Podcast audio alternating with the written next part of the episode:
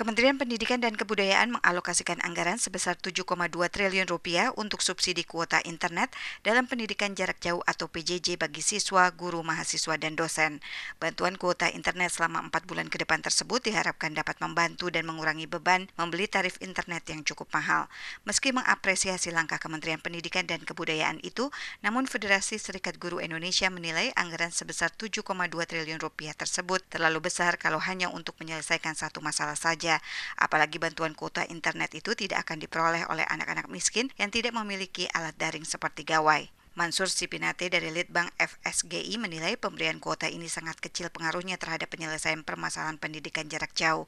Menurutnya saat ini kurang 50% siswa Indonesia yang bisa daring. Anak-anak di pelosok negeri yang susah sinyal juga tidak dapat menikmati. Menurutnya bagi daerah yang susah sinyal yang diperlukan adalah peralatan penguat sinyal di wilayah mereka yang tidak bisa daring ini kan bermacam masalah. Ada yang memang karena tidak memiliki gawe, ada yang punya gawe tetapi tidak ada jalur ya, jaringan internet yang bisa diselesaikan dengan bagian kuota ini berarti hampir pasti di daerah-daerah perkotaan atau setidaknya mereka yang sudah punya gawe dan ada jaringan internet yang memadai. Lebih lanjut, Mansur menilai FSGI meminta pemerintah pusat dan daerah untuk juga memikirkan siswa yang tidak memiliki gadget. Kemendikbud pernah menyampaikan bahwa pembelajaran melalui TVRI efektif dilakukan. Jika betul, tambahnya mengapa pembelajaran melalui TVRI ini tidak ditingkatkan kualitas dan kuantitasnya.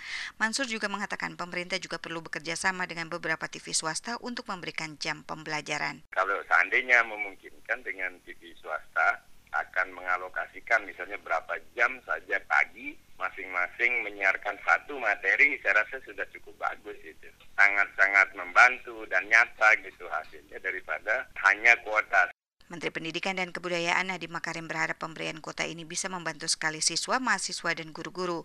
Kementeriannya kata Nadiem akan terus berupaya menyelesaikan persoalan yang ada. Kami mencari segala jalan untuk memastikan anak bisa kembali tatap muka secepat mungkin tapi seaman mungkin.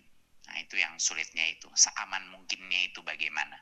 Di luar rencana pemberian kuota, kementeriannya tambah Nadiem Makarim juga telah mengamankan tambahan penerimaan tunjangan profesi guru, dosen, dan tenaga pendidikan lainnya sebesar 1,7 triliun rupiah sebagai bantuan. Dari Jakarta, Fatia Wardah melaporkan untuk VOA Washington.